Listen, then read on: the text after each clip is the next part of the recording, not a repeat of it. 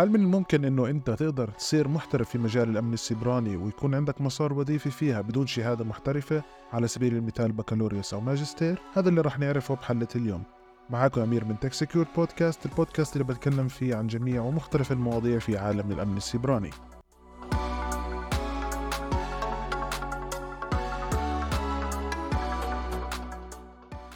زي ما إحنا عارفين في الآونة الأخيرة مجال الأمن السيبراني صار واحد من أكبر المجالات الموجودة حاليا في العالم. ومن أهم المجالات اللي ممكن الواحد يتخصص فيها ويحصل على وظيفة بالذات إنه هذا المجال جدا مهم والوظائف فيه جدا حساسة والرواتب يعني ممتازة جدا مقارنة بالوظائف الأخرى. فإحنا مع تقدم الأيام وتقدم التكنولوجيا وازدياد التكنولوجيا بشكل جدا مبهر وتقنيات جديدة كل يوم عمالها بتطلع الثغرات الأمنية بطبيعة الحال بشكل تلقائي حتزيد وما حتكون زي أول سهولتها وحتكون صعوبة التقاط هذه الثغرات الأمنية أو تحسين هذه الثغرات والدفاع عن الأنظمة عملية أصعب مع مرور الأيام بالذات مع تقدم الذكاء الاصطناعي. وفي الفترة الأخيرة صار في كتير ناس حابين يدخلوا هذا المجال بسبب الطلب الكبير عليه. طبعا كثير من هاي الناس آه، بكون ما عندهم أصلا شهادة في هذا المجال ما بكون عندهم حتى شهادة IT. ولما يكون عندك شهادة IT بشكل عام يعني الموضوع ممكن يكون أسهل. بينما لو ما كان أنت عندك شهادة IT الموضوع راح يكون نوعا ما كتير أصعب. يعني في كتير من الناس على سبيل المثال بتشتغل بال marketing بتشتغل بالإدارة بتشتغل في الطب بتشتغل في التعليم وفي مجالات كتير. بس هاي الناس عندها اهتمام نوعا ما في مجال الأمن السيبراني وبتحس إنه من الصعب دخول لهذا المجال. لكن هل فعلا الموضوع صعب إنه الواحد يقدر يغير مساره المهني؟ آه ولا فخلينا نقول أنت ما عندك حتى شهادة IT وبعيد كل البعد عن مجال الأمن السيبراني. بكل بساطة اللي أنت ممكن تسويه إنك تبدأ تاخد certifications في كتير من الشركات حاليا بتقدم certifications وحلول ممكن تساعدك أنت عشان أنت تقدر تبدأ بمجال الأمن السيبراني.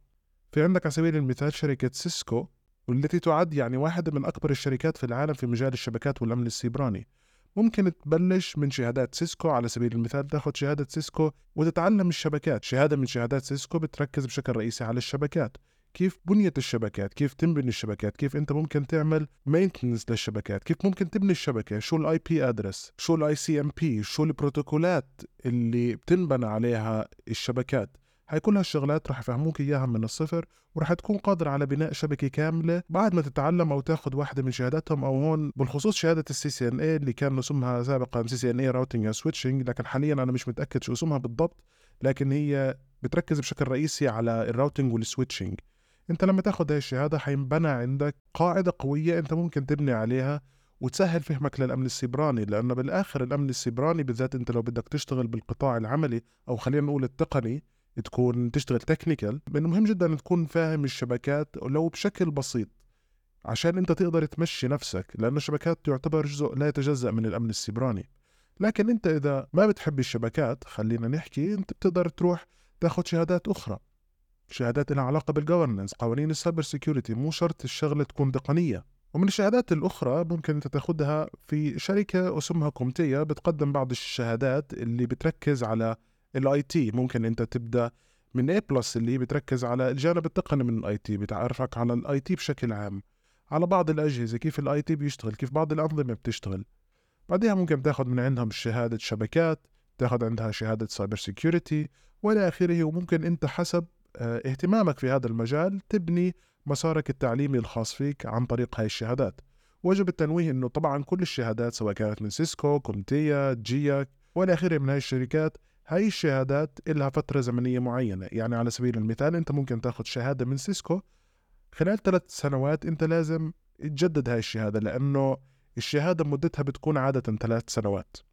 بطبيعة الحال لو أنت عندك شهادة IT راح يكون الموضوع نوعا ما أسهل بسبب أنه أنت عندك خلفية ال IT already فأسهل بكون عليك أنه تبني عليها تعليمك وتمشي بمسار الأمن السيبراني. طيب ومن الطرق الأخرى اللي أنت ممكن تتعلم فيها الأمن السيبراني إنه تشتغل ك freelance تشتغل على بعض المشاريع. من الممكن يكون نوعا ما الموضوع مو سهل بسبب إنه أنت لازم يكون عندك نوع من أنواع الخبرة في الأمن السيبراني. فخلينا نفترض إنه أنت أخذت الشهادات بنيت عندك نوع من أنواع الفهم أو خلينا نقول آه، صار عندك فهم عام للأمن السيبراني وجيت تخصصت أنت بمجال معين ممكن أنت تبلش تشتغل آه، ك freelancer. يعني على سبيل المثال ممكن تشترك تشتغل ك advisor ممكن تشتغل أنت تعمل كورسات للأمن السيبراني وتصير تعلم الناس عن الأمن السيبراني. تبيع هاي الكورسات تشتغل على ال social media تكون شخص بتعامل مع الناس بيعلم الناس. تصير تنصح مثلا الشركات أو الأفراد اعمل كذا واعمل كذا واعمل كذا عشان يقدروا يأمنوا نفسهم أو يأمنوا الأنظمة اللي هم شغالين عليها. وواحدة من أفضل الطرق اللي أنت كمان تنمي هاي المهارات اللي عندك اللي هي تتعلم وتستخدم مواقع على سبيل المثال زي Hack The Box أو زي TryHackMe هاي كل هالمواقع بتساعدك على إنه يكون أنت عندك فهم قوي للأمن السيبراني سواء كان فهم تقني أو فهم خلينا نقول نظري أو اللي هو إداري. وبالتأكيد يعني أنت عشان تكون أقوى في مجال الإدارة في الأمن السيبراني من المهم يكون عندك ولو فهم بسيط عن كيفية عمل الأمن السيبراني عن كيفية عمل هاي الأنظمة. كيف ال structure تبع الشركة يشتغل أو الشركات. كيف أنت ممكن تحميه وإحنا لما نحكي عن ال structure أو ال infrastructure اللي هو بنحكي على ال infrastructure تبعت ال IT في الشركة. واللي كمان أنت ممكن تعمله عشان تطور مهاراتك وتتعلم أكثر عن الأمن السيبراني ممكن تعمل آه اشتراك في المجتمعات اللي موجودة اونلاين تدخل على ال Reddit تتواصل مع الناس تتعلم مع الناس تشارك بالمواضيع. ممكن تلاقي بعض الجروبات على ال Discord تتابع ناس على منصات التواصل الاجتماعي على سبيل المثال تويتر وال X الفيسبوك وإلى آخره من هاي المواقع. ودائما القراءة المستمرة والتعلم المستمر والتطبيق العمل المستمر مهم جدا عشان أنت تقدر تكمل في هذا المجال لأنه الأمن السيبراني من المجالات اللي أنت إذا وقفت فيها المعلومات اللي عندك حتصير قديمة. والمنافسة بهذا السوق جدا قوية. ومن المهم جدا نعرف زي ما حكينا بأول هاي الحلقة إنه التطور التكنولوجي وسرعة تطور التكنولوجيا وتقدم التكنولوجيا والتقنيات الحديثة والذكاء الاصطناعي والأجهزة وإلى آخره من هاي الأشياء اللي عمالها بتصير بسرعة خارقة. هذا بيعني إنه المعلومات اللي عندك أنت إذا ما كنت على الدوام تحدث فيها تكون مطلع تكون طول الوقت متابع لآخر الأحداث وآخر التقنيات والثغرات والتكنولوجيا حتصير المعلومات اللي عندك زي ما نقول اكسبايرد لأنه الشركات حاليا بتطلب ناس أو هذا المجال بطلب ناس دائما مطلعة دائما بتقرأ دائما عندها آخر التحديثات آه، بسبب التطور السريع. لأنه أنت لو كان في مشاكل أمنية في تكنولوجيا جديدة ظهرت على الساحة على سبيل المثال ممكن انت لو ما كنت مطلع وكنت ما كنت تتابع بشكل منتظم أو تعلم نفسك بشكل منتظم ما حتعرف كيف ممكن تحل هاي المشاكل. وهي المشاكل عادة هي المشاكل أو إمكانيتك لحل هاي المشاكل هي اللي بتميزك عن الأفراد الآخرين في هذا المجال. فكل ما تعلمت أكثر وكل ما طورت من نفسك أكثر حيكون الأمر أبسط بالنسبة لك حيكون عندك فرص عمل أكبر في هذا المجال حيكون طبعا راتبك أكبر حتكون متميز في عملك أو أنت كشخص في هذا المجال. واللي حابب أحكيه من المهم جدا إنه أنت لما تدخل الأمن السيبراني إنه تركز على مجال واحد فقط. هذا المجال جدا واسع. في كثير من الطرق أو كثير من المجالات أو الأفرع للأمن السيبراني ممكن الشخص يتخصص فيها. وما في حدا في الدنيا بيقدر أو عنده علم بكل شيء. ما في شخص تقدر مثلا تشوفه بشركة معينة بيشتغل كبنتريشن تستر أو كمحلل أمني بيشتغل في الحوكمة وإلى آخره بنفس الوقت.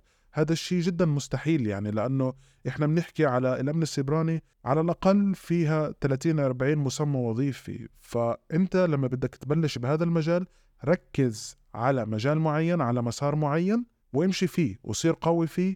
ومن المهم جدا أنت دائما تحاول على مواقع التواصل الاجتماعي بالذات ال LinkedIn تشارك الناس الأشياء اللي بتتعلمها الأشياء اللي ممكن تفيد الناس آخر التحديات آخر التطورات آخر الثغرات الأمنية.